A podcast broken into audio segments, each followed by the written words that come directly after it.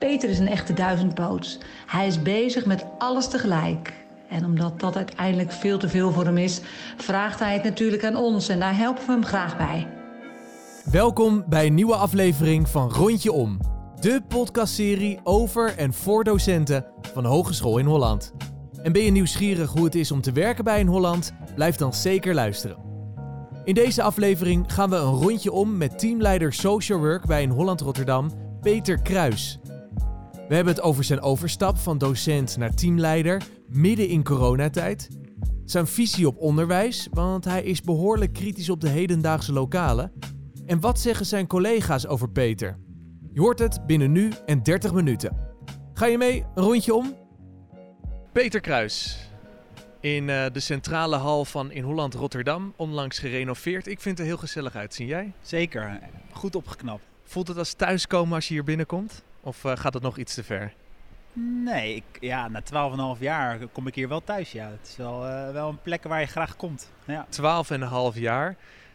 Um, laten we even naar de eerste dag dat jij als docent hier binnenkwam. Daarvoor studeerde je bij In Holland. Klopt. Maar de eerste dag als docent, hoe was die eerste werkdag? Eerlijk gezegd weet ik er niet zo heel veel meer van. Het is echt lang geleden. En omdat je hier al zo lang en zo lang rondloopt en zoveel hebt meegemaakt. Ik, ja, ik weet wel dat, uh, dat het een uitdaging was. Je hebt geen idee waar je aan begint. Het onderwijs is, is zo groot, complex. Het heeft zoveel elementen dat je het echt jaren duurt voordat je, er, ja, dat je er echt volledig in gegroeid bent. En dan zelfs nog kom je altijd weer dingen tegen waar je nog nooit van gehoord hebt. Of die, uh, die je verbazen, verrijken. Dus ja, twaalf uh, en half jaar geleden. Ja, ik ging op mijn studentenfietsje ging ik hier naartoe. en uh, vanaf dat moment is, het, is er zoveel gebeurd dat ik, dat ik me amper allemaal nog scherp voor kan halen. En dan, dan kom je hier binnen, je gaat die roltrap omhoog, je gaat naar de, de collegezaal of de klas waar je les moet geven. En dan sta je voor het eerst voor een groep leerlingen die jou met grote ogen aankijken. Of juist niet, want dat kan natuurlijk ook. Hoe, hoe ging dat? Hoe heb je die eerste keer ervaren? Ja, dat was wel heel erg leuk. Ik begon als studieloopbaanbegeleider en, en tutorbegeleider. En ik weet nog wel dat ik dan een, een klas uh, binnenkwam en ik ging met de studenten zitten. Ik haalde gelijk altijd de stoelen of de tafels weg. We gingen gelijk in een kring zitten, het gesprek aan. En ik weet dat op een gegeven moment de studentenlaat binnenkwam en die keek rond en die vroeg, waar is de leraar? ik was natuurlijk, ik was 24, dus 24. ik had klasgenoten die waren, of oh ja, studenten waren, konden net zo oud zijn als ik. Dus dat was, ja, dat was al heel grappig. Ja. En je moest echt vanuit ja, de relatie het aangaan. En, en ook uh, daarin zat ook een stukje kracht. Want dingen die ik niet wist, wist de student ook niet. Maar daardoor kon je gelijk een juiste houding aan koppelen, waardoor je het met elkaar ging doen. Samen zoeken, samen oplossen. Niet per definitie de antwoorden hebben. Want als je de antwoorden hebt, dan ben je de neiging om het al cadeau te gaan geven. Nou ja, wie leert daarvan? Dus, dus dat gebeurde in het begin, dat het een zoektocht werd met klasgenoten, uh, als het ware, met elkaar. Uh, studenten, docenten in gezamenlijkheid, vooral vanuit gelijkwaardigheid met elkaar dat, dat gesprek aangaan. En dat, ja, dat, was, uh, dat was een grote uitdaging. Ja. En dat, ik, ja, ik heb er echt veel lol in gehad. En, en in no time had ik er zoveel lol in dat ik ook de expertise die ik wel had al mocht gaan doseren. En, maar, maar alsnog, dan ben je 24, dan ben je net afgestudeerd. Waarom ben je docent geworden? Ja, ik, ik was zelf een, uh, een hele lastige student, leerling. Moeilijk in beweging te krijgen. Dat begon al op, de, op het eind van de basisschool. Ik ging toen naar speciaal onderwijs. En ik ben echt een stapelaar, dus van, van speciaal onderwijs, mijn MAVO, uh, MBO, HBO, Master. Heb ik, heb ik, ja, en pas eind jaar drie van mijn HBO ging bij mij een lampje branden. Ik dacht, ah, ik, ik vind leren echt leuk. En ik ging boeken lezen en ik ging extra dingen doen die helemaal niet uh, gevraagd werden van een, van een docent. En toen had ik wel zoiets van, toen gingen we ook mezelf betrekken bij studentenpanels. En ja, bij introductieweken was ik als, als uh, via ASA werd ik dan uh, betrokken.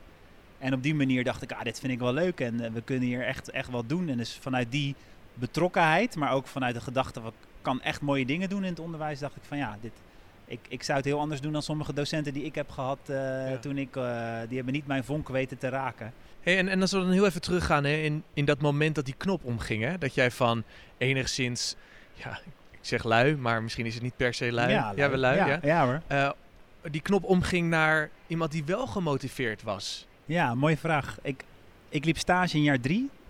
En ik zag cliënten die ook lui waren en niet in beweging waren. Dan zaten met vijf professionals te wachten op een, op een cliënt, een, een ouder, waarvoor wij voor de kinderen aan het werk waren in een dagbehandeling. En die ouder kwam dat niet opdagen. Iedereen zat daar, vijf professionals. En van die vijf professionals was gewoon een uur weggegooid. En in plaats van uh, te gaan oordelen over wat er allemaal bij die, uh, bij die ouder aan de hand zou kunnen zijn, dacht ik, ja, ik was ook zo. Ik kon ook de middelbare school lui zijn of het niet belangrijk vinden. Nou, wegblijven deed ik dan niet, maar ik, ik was wel iemand die dan uh, achterover gezakt zat in zijn stoel. En, uh, en, en, ja, en toen dacht ik van, wat is dat nou eigenlijk? En hoe komt het dat, dat we die mensen niet in beweging krijgen? Ik, daar zat er vooral mijn grote vraag. En tijdens de supervisiebijeenkomsten die ik toen had, ben, ik, nou, ben ik daarover in gesprek gegaan wat me dwars zat en wat in de weg zat. En toen toen attendeerde een docent van mij, nou misschien zou je het daar kunnen vinden. Of misschien zou je. En toen ben ik gaan lezen en toen, ja, toen ging het vlammetje branden. En toen dacht ik van hé, hey, eigenlijk ga ik nu een stukje zelfreflectie doen van waarom ben ik nooit in beweging gekomen. Uh, omdat het me gespiegeld werd. Het werd voor voorgehouden door, door anderen. En die vraag die je zelf dan stelt, heb je daar inmiddels antwoord op? Ja, ik geloof dat als een docent gelukkig is en goed in zijn vel zit, dat je, dat je dan veel beter contact moet maken. Je kan didactische werkvormen bedenken en alles. Maar op het moment dat die docent goed in zijn vel zit, dan staat hij heel anders voor de klas. En daarin, vanuit, vanuit dat gedachtegoed, de relatie aangaan met die studenten, ja, dan, dan, dan is dat het allerbelangrijkste. Ja, ja. dus gelukkig zijn als docent is super belangrijk. Wat zijn denk ik voor jou cruciale eigenschappen van een goede docent? Welke eigenschappen, skills moet je dan bezitten? Jeetje, wat een lastige vraag. Het lijkt me wel, uh, ja, het is wel, uh, lijkt wel bijna een toets al, uh, Rudy. Goeie vraag. Ja, het zijn er een heleboel. En, en ik geloof nooit dat je ze als docent allemaal moet bezitten. Ik denk dat je het met, als een team met elkaar moet doen. En met een, met een team kun je elkaar heel goed aanvullen. En de ene docent kan heel goed toetsvragen formuleren. En de ander die kan heel goed die coaching doen. En, en de ander die weet goed het contact te leggen met buiten. En samen kan je dan hele mooie dingen maken. Ik, ik geloof nooit dat je het allemaal moet kunnen of, of hoeft te kunnen. Maar ja, die, die, in die basis moet je wel een aantal uh, didactische en pedagogische vaardigheden hebben. Die denk ik wel heel erg belangrijk zijn. Gewoon in het moment zijn in de klas. Je kan een doel, een lesdoel hebben, maar op het moment dat je niet in die klas ziet wat er speelt of wat er leeft, ja, dan komt het ook niet aan. Dus ik denk dat dat soort basisvaardigheden al heel erg belangrijk zijn. En vanuit, vanuit dat gesprek met de student kom je dan verder. Ja. ja. Laten we even een stuk verder lopen. We gaan naar richting de lift en we gaan naar uh, de 15e etage. Dat is helemaal bovenin bij uh, in Holland Rotterdam. We gaan even terug naar uh, 16 maart 2020. Dat was namelijk de start van jouw functie als teamleider. En ook de dag dat we in de eerste lockdown zijn gegaan. Als eerst, waarom heb je die overstap gemaakt om als docent naar teamleider te gaan? Ja, dat was een dat is een goede vraag. Dat was ook een, een, een, las, een, eh, een, een proces. Ik, ik zag het me, nou ja, acht jaar geleden eigenlijk helemaal niet doen. Ik was gewoon bezig met die student en uh, daarin had ik zoveel kansen en uitdagingen. Maar op een gegeven moment kwam ik ook wel tot de conclusie van, nou, het gaat me eigenlijk allemaal wel heel goed af. En, en het lukt me eigenlijk allemaal wel. En ja, ik ben dan ook op zoek naar uitdaging en op zoek naar wat, uh, wat, kan, wat kan mij verder ontwikkelen. Mm dus ik heb daar ook met mijn vorige leidinggevende veel gesprekken over gevoerd. Van wat, wat dan wel en wat niet. En op een gegeven moment toen heb ik een assessment gedaan. En toen had ik mijn master afgerond. En uh, toen kwam eigenlijk een moment van ja, nou ja, uh, ik voelde me eigenlijk wel goed bij. En als ik ja, goed voel, dan kan ik het, uh, nou dan geloof ik hetzelfde wat in de klas gebeurt. Als ik goed in mijn vel zit, dan geloof ik ook dat ik voor collega's een goede teamleider kan zijn. Ja. Dus het is nooit echt een ambitie geweest van nou, ik, moet, ik moet teamleider worden. Hè. Ik, ik, het is meer een, iets wat ontstaan is in, uh, ja, gewoon in het proces waar ik, uh, waar ik in zit. En nou, inderdaad, een jaar later uh, doe ik het met heel veel plezier en zit ik goed in mijn vel. Dus dan ja. denk ik dat het, dat het wel klopt. Ja. ja. En dan alsnog midden in die lockdown. Ja. Dan maak je die stap en dan kan je niet optimaal denk ik dan je werk uh, uitvoeren. In ieder geval niet hoe je het in gedachten had. Hoe heb je dat ervaren en hoe ga je dan daarmee, om? Ja, de eerste half jaar was echt een roes. Dat was gewoon gaan. En niet te lang eh, stilstaan, misschien maar waar je in beland was. Ik denk ook pas achteraf als het zo meteen allemaal voorbij is, dat we dan pas beseffen wat hebben we voor bizars meegemaakt. Ik denk dat je ook op dat perspectief moet, moet blijven dan van nou, dit, het uitzicht is er.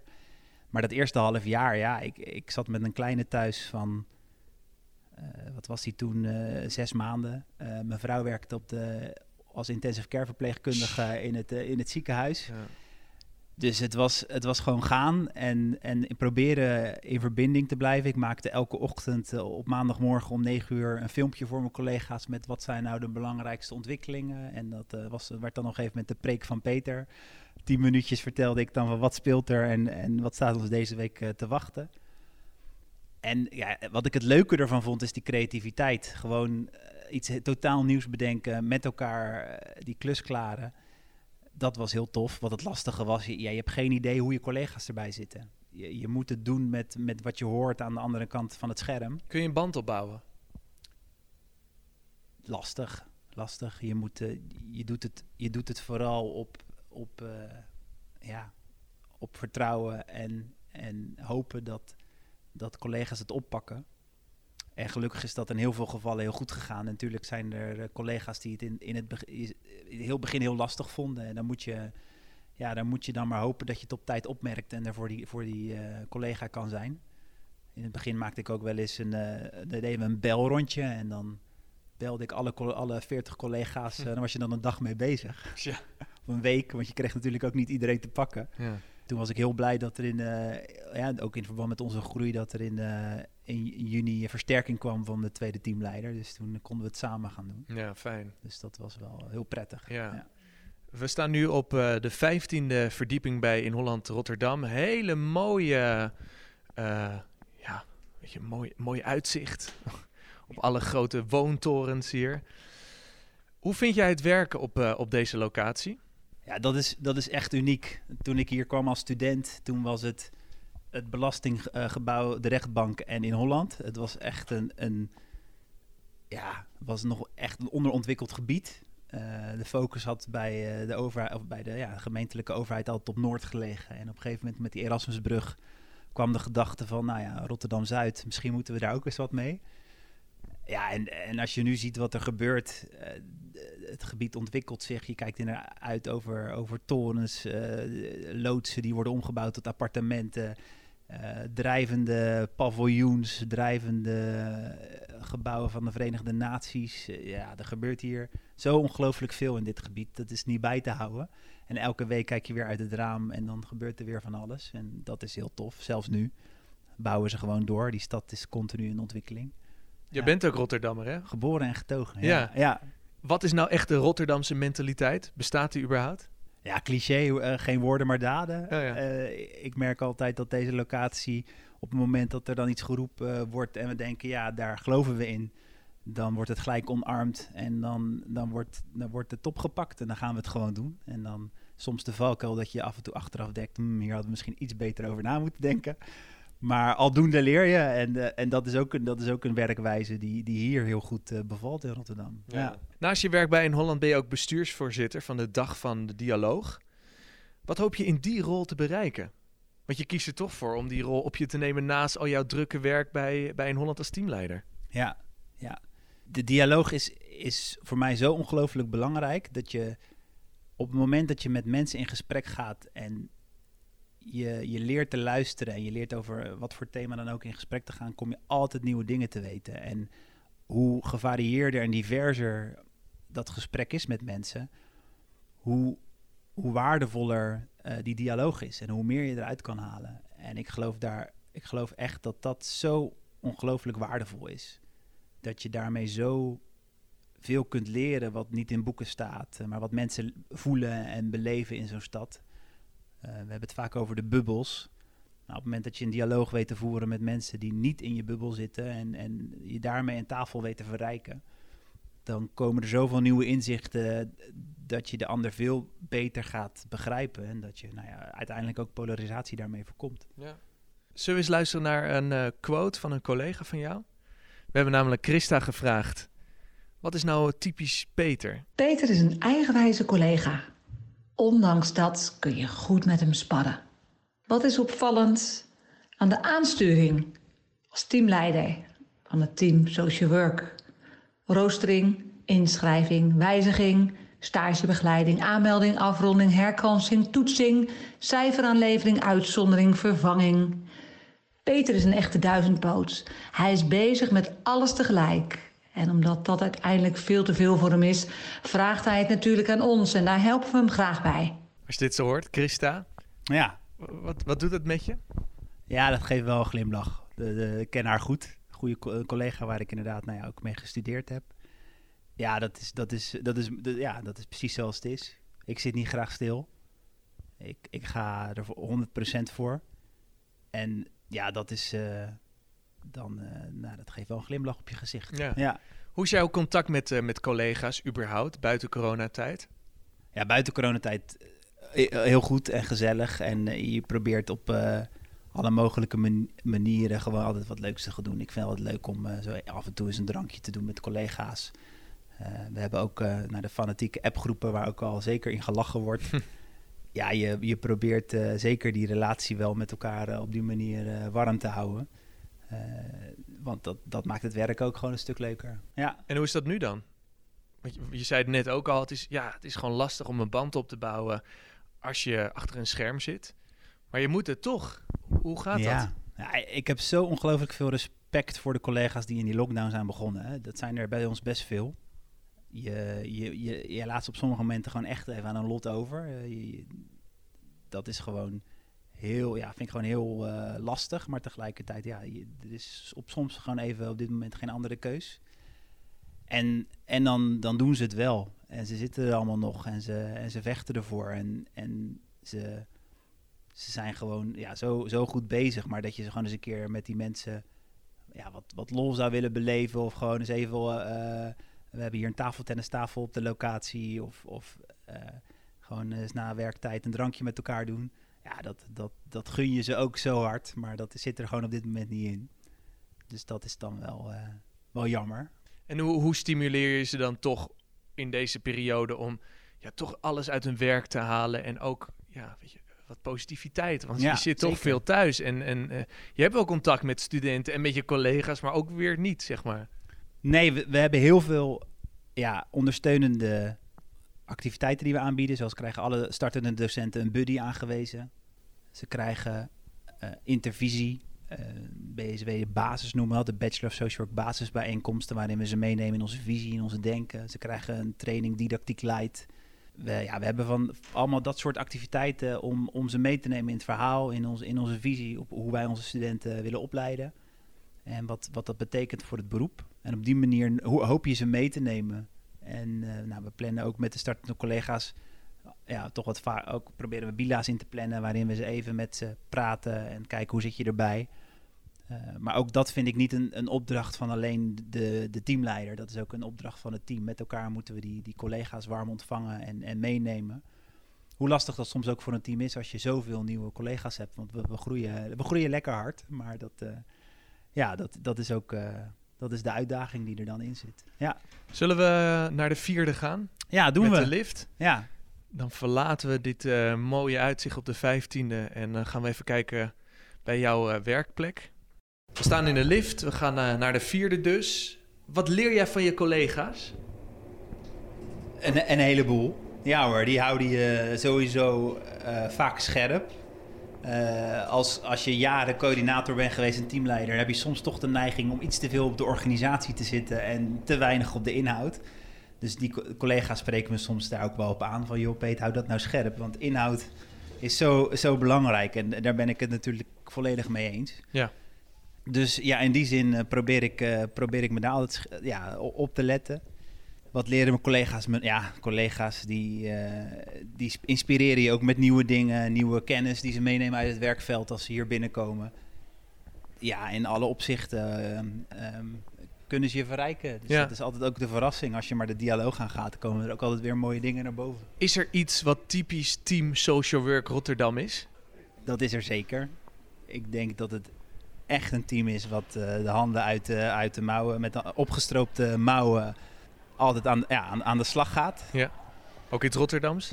Ook op het Rotterdam, ja, in het Ja? Rotterdams. Ja, we zijn ook echt een team met ja, een hele goede link naar, naar buiten. Die weten we nog niet altijd goed te verzilveren, maar we, we hebben met elkaar zo'n groot eh, netwerk hier in, in de stad.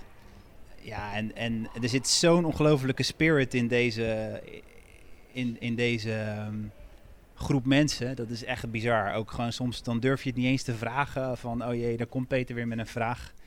Maar ja, 9 van de 10 keer pakken we het gewoon op.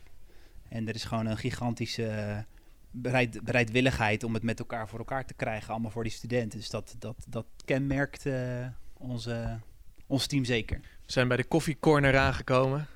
Cappuccino, koffie zwart, wat drink je altijd? Eh, nou, één kopje zwart per dag en voor de rest wel veel thee. Oké, oké, oké. Ja, hier gebeurt het eigenlijk. Hier zijn de, de, de kantoren van de vierde etage. Eh, en we hebben sinds kort, is wel onze grote trots. Dat was mijn eerste, ik zeg altijd als grap, dit was het eerste wat ik realiseerde als teamleider, was een eigen koffiecorner op de vierde etage. Want we moesten altijd naar de derde of naar het servicepunt. En sinds, eh, ja, sinds, wat zal het zijn, september hebben we deze prachtige koffiecorner. Dus eh, daar zijn we heel erg blij mee. Ehm, ik ben nog, toch nog even benieuwd naar die appgroep. Er wordt een hoop gelachen, zeg je. Wat voor schunnige filmpjes komen daar wel eens voorbij?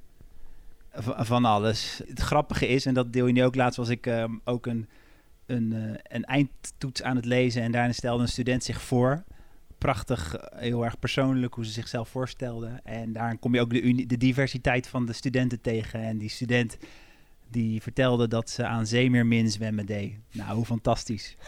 Dus dan gaan de foto's natuurlijk al door de groepsapp. Jongens, kijk nou hoe fantastisch dit is. Leuk als teamuitje gaat het dan rond. En op die manier, ja, dan, dan, eh, dan zit de lol er ook in. Want daar zijn we nu ook mee bezig. Het voorbereiden van, eh, van het, te- het teamuitje. We hopen echt van harte dat we elkaar in juli weer live mogen zien. En dat we dan wat leuks kunnen doen. Dus nou ja, dat, dat soort eh, humor Ja. zit er dan in. Ja. Heel goed. Studentenaantallen groeien enorm binnen de opleiding Social Work.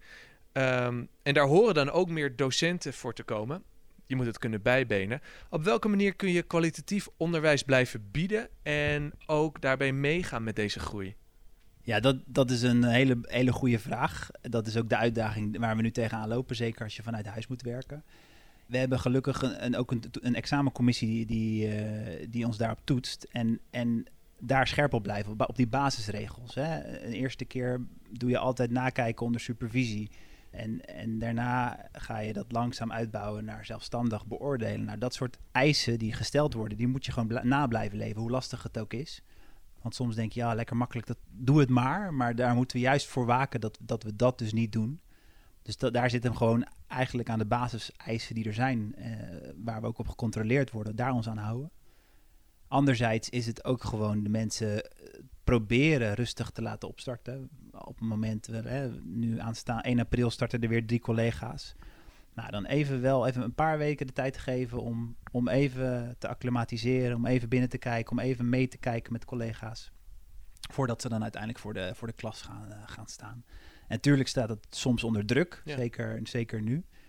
Ja, dan moet je toch creatief blijven. En je moet dan toch, je moet het, je moet toch daarop blijven letten. Want je wil die collega's wel, ja, eh, wel dat ze die eerste twee jaar gewoon een prettige tijd hebben. En, en tuurlijk, hard werken moet. Dat is, dat is zeker waar. Maar gelukkig hebben we in het onderwijs ook heel veel vakantie. Dus het is soms wel van vakantie naar vakantie. Zeker in het begin. Dat herinner ik me ook nog wel bij mijn start. Dat je blij was dat je weer even een weekje bij kon komen. Ja, daar moet je, daar, daar moet je, daar moet je het mee doen. En dat is in het begin best wel bikkelen soms. Maar ja, je krijgt uiteindelijk ook zoveel voor terug. We hadden het er laatst over dan hoe, hoe tof het is met elkaar om allemaal bij een diplomering te zijn. Dan weet je waar je het voor gedaan hebt. En dan sta je gewoon met een glimlach op je gezicht te kijken naar studenten die je vier jaar lang hebt zien groeien. Ja, hoe, hoe tof is dat? Want hoe zorg jij dan alsnog voor een goede balans tussen werk en privé? Ondanks dat je het heel erg druk hebt, ondanks al die nieuwe collega, ondanks corona, hoe doe je dat? Ja, dat zit inmiddels denk ik heel, wel heel natuurlijk in mij. Dat het, dat het iets van mezelf geworden is. Ik, ik werk echt van half negen tot eh, half negen tot, eh Ondertussen tot gaat half even het zes. koffiezetapparaat de koffie bijgevuld wordt bijgevuld, ja. Dan lopen we even hierheen, dan kan eh, mevrouw erbij. Ja, Ja, dus ik werk van, van half negen tot eh, half zes. En dan daarna moet je echt even je rust nemen. En dan moet je gewoon echt even tijd nemen voor je gezin en voor je, voor je kinderen. En ik, ik zorg er ook echt voor dat het weekend van mij is. In die zin dat het, dat het voor mij en mijn gezin is. En dat je, ja, dat, je er, dat je daarna in de avonduren soms wel eens even eh, iets extra's moet doen. Dat, dat hoort erbij, zeker in deze functie. Maar dat, ja, op een gegeven moment zijn de uren op. En dan, dan moet je gewoon ook in gesprek blijven met collega's. Wie kan dit overnemen, wie kan dat Hm. overnemen. En, het, en, eh, en ook soms prioriteiten stellen, dat is ook belangrijk. Sommige dingen ook gewoon durven om niet te doen. Dus op die manier moet je dat organiseren. Hoe lastig dat soms ook is, want we willen het liever Ja. altijd wel doen. Ja. Maar soms moet je ook gewoon, eh, ja, je- niemand heeft er wat aan als je, als je jezelf eh, overwerkt. Dus ja, Je bent een fanatiek wereldreiziger. Je klopt. hebt veel van de wereld gezien. Ja, Hoe pak je dat aan? Is dat het voordeel van die lange vakanties bij, eh, bij een hogeschool? klopt. Ja, Ja. ik had, nou, eerlijk gezegd, toen ik hier begon, had ik het idee, ik werk hier één jaar en ik zie wel hoeveel ik verdien en met dat geld ga ik een reis maken. Dat had gekund, eh, want ik had genoeg verdiend om die reis te gaan maken. Maar ik vond het werk zo leuk dat ik dacht, nou ja, er zitten zoveel vakanties in, ik zie het wel joh. Dus ik, eh, ik ben toen gebleven. Ja, en met die vakanties eh, gaan, we- gaan, we erop, gaan we er altijd op uit. En ehm, eh, mijn vrouw heeft niet zoveel vakantiedagen als mij. Dus ik, Hm. ja, dat, ik doe ook, deed ook altijd veel met studiereizen naar, naar Marokko. Voor de lockdown. Ja, en, en ja, low budget reizen, dat is, dat is het. Rugzakje op en gaan. En eh, nou ja, vorige keer, weet net, drie jaar geleden zijn we naar eh, Parijs gereden met de trein om van daar het vliegtuig te pakken. Want dat scheelde honderden euro's op het ticket. Nou ja, dan kan je die honderden euro's weer mooi wat anders besteden. Mhm. En zo, zo zaten we opeens eh, in de Caribbean. En ook altijd naar plekken gaan die, ehm, ja, die, die weer net rustig zijn. Hè. De code oranje kennen we nu allemaal van buitenlandse zaken. Ik ging bijvoorbeeld ook ehm, naar Madagaskar net na de, nadat dat, dat politiek weer rustig was. Dat het net weer kon. Nou ja, dat was het eerste jaar dat er weer toeristen kwamen. Nou, dan is het weer... eh, dan, dan heb je een hele goedkope en leuke reis. Eh, de Caribbean, eh, ni- niet de benedenwindse eilanden, maar nou ja, Sint Lucia, Barbados, die kant op. Net na de orkaan, een jaar daarna. Nou ja, goed, dan, dan zie je ook wel de heftigheid van, van wat het doet. Maar tegelijkertijd kun je die mensen ook steunen en er voor die mensen zijn. En eh, dan proef je ook de warmte van zo'n land, want ze zijn zo blij dat je er bent. Ja, en dat soort reizen, die, die, daar, daar ga ik wel op aan. Dat triggert mij. Ja. Om, eh, ja. En, en cultuur staat natuurlijk ook centraal bij social work. Zeker. Leer je wel eens iets van een andere cultuur die je dan weer kan vertalen naar jouw werk bij in Holland bijvoorbeeld? Ja, ja zeker. zeker. Kun je eens een voorbeeld geven? Nou, de, de studiereis naar Marokko zijn daar een heel mooi voorbeeld van. Nederlandse cultuur is veelal op ik gericht. Eh, ik wil verder groeien. Ik wil zus, ik wil zo. En in, in het noordoosten van Marokko, waar we altijd naartoe gaan, is, is daar heel anders. Eh, het is wij. En hoe kunnen we met elkaar iets voor elkaar krijgen? En, en, en ja, dat heb ik echt meegenomen. Die warmte, het leren delen, het samen doen. ehm, voor elkaar zorgen. Dat, is één, één hele basisprincipe waar ik echt anders in ben gaan in geworden. En dat probeer ik eh, echt na te leven. Hoe, hoe lastig dat soms ook kan zijn. Want ja, we zijn eh, zo op ik gericht dat, het, eh, dat, het, ja, dat je het wel in de, in de kaders van dit land eh, eigen moet maken. Maar dat is wel één hele belangrijke eh, kernopgave die ik mezelf toebewezen heb om het met elkaar te doen en het samen. eh, Kan het ook beter in het onderwijs in het algemeen? Ja, er is, er is al- altijd genoeg te verbeteren. Een voorbeeld daarvan is het klaslokaal bijvoorbeeld. Ik eh, vind het echt niet te geloven dat, dat een klaslokaal na 100 jaar nog, nog geen millimeter veranderd is. Het enige wat veranderd is, een krijtbord werd op een gegeven moment projector en een projector werd een touchscreen. Maar we zitten nog steeds in stoelen achter een tafel. En ik geloof echt dat dat, dat, dat echt anders moet. Dus daar, daar heb ik ook nog ambities. Daar geloof ik echt in dat we dat, we dat heel anders vorm kunnen Hoe zou dat anders eruit moeten zien dan?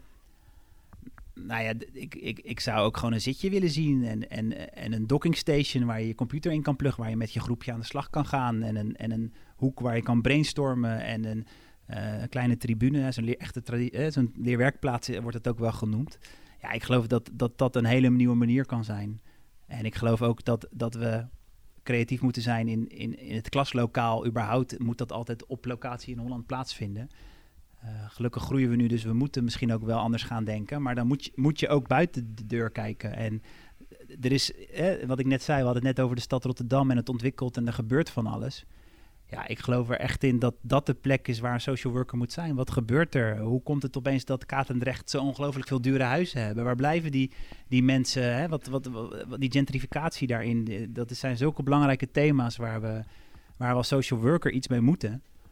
Dus dat, dat, ja, dan geloof ik ook dat er een, een klaslokaal in, in, in Katendrecht kan staan. Of hm. in Bloemhof of waar dan ook. Ja. Als je die verandering uh, wil bewerkstelligen, hè? Hoe doe jij dat als teamleider social work? Kan dat überhaupt? Of ben je gewoon te afhankelijk van bijvoorbeeld de organisatie van in Holland, of misschien zelfs de politiek of de gemeente Rotterdam? Nou, ik merk wel dat je soms geduld moet hebben. Dat is wel een hele belangrijke. Kijk, nu, nu zitten we zo op het, op het blended leren dat dat echt de focus nodig heeft. En ik moet nu mijn eigen ambities even, even parkeren en wachten tot we in iets rustiger vaarwater komen. Om, uh, tegelijkertijd kunnen we wel voorbereidingen treffen en kunnen we het op de momenten dat die er geschikt voor zijn, het gesprek over aan blijven gaan. Maar vanuit daaruit, ja, geloof ik wel dat je de kracht en, en de mogelijkheden hier hebt om, om het te realiseren. We zijn hier ook afgestapt van toetsweken. Wij, wij hebben hier modules die gaan, nou, die, die gaan heel het jaar door. En dat hebben we ook gewoon gedaan. En dat lukt ook met, met het servicepunt. En dat lukt ook met, met de toetsorganisatie en met iedereen waar we het samen mee doen. Dus je moet ook soms een beetje lef tonen en een beetje op de troepen vooruit lopen. En dan, dan lukt dat ook. Je moet wel, ja, je moet wel durven. En het, soms is het wel een uitdaging. Gaat er wel eens wat mis, maar dat hoort erbij. Ja, nee, tuurlijk. Blijf, uh, blijf in beweging. Precies. Ja, dat is belangrijk. En als we even naar jou kijken, blijf in beweging. Wat doe jij over tien jaar? Of over vijf jaar? Wat zijn je ambities?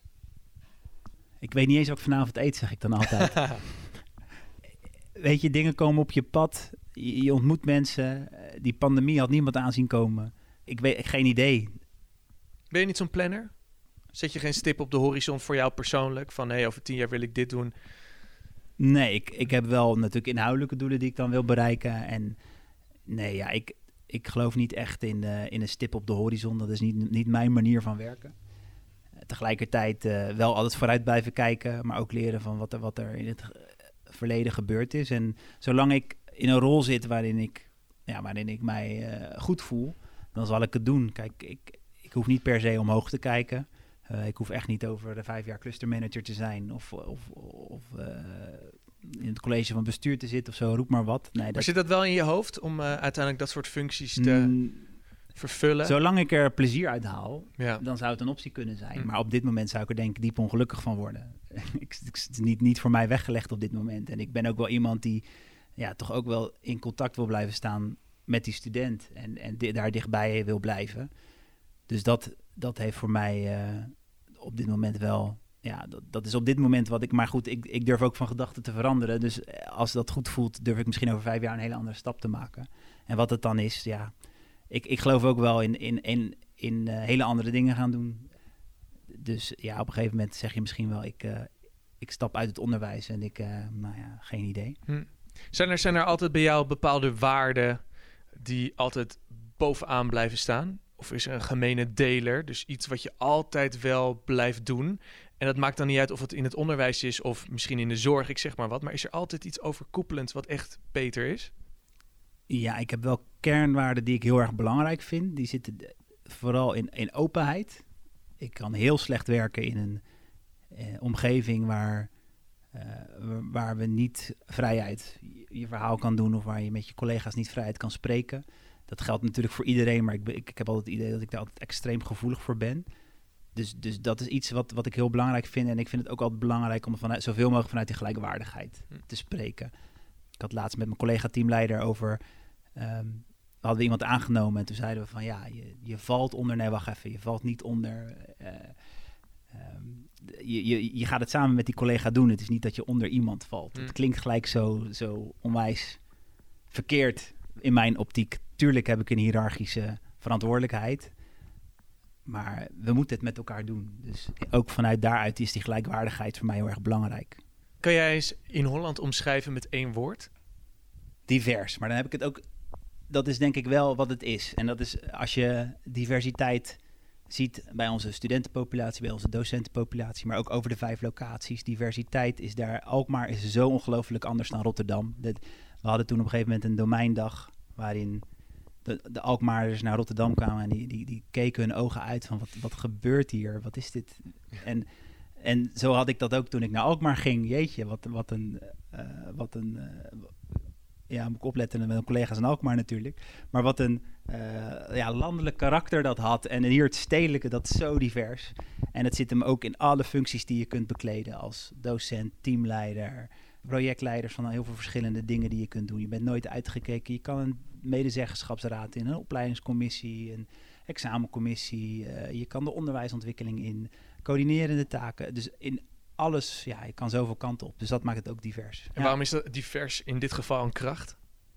Omdat je, nou ja, goed, omdat je erachter kan komen eh, wat je ligt en wat je niet ligt. Dus je kan, je kan experimenteren. Heel veel dingen die ik heb gedaan, heb heel veel plezier gedaan. Maar er waren ook rollen waar ik op een gegeven moment tegenaan liep en dacht, nou, dit niet.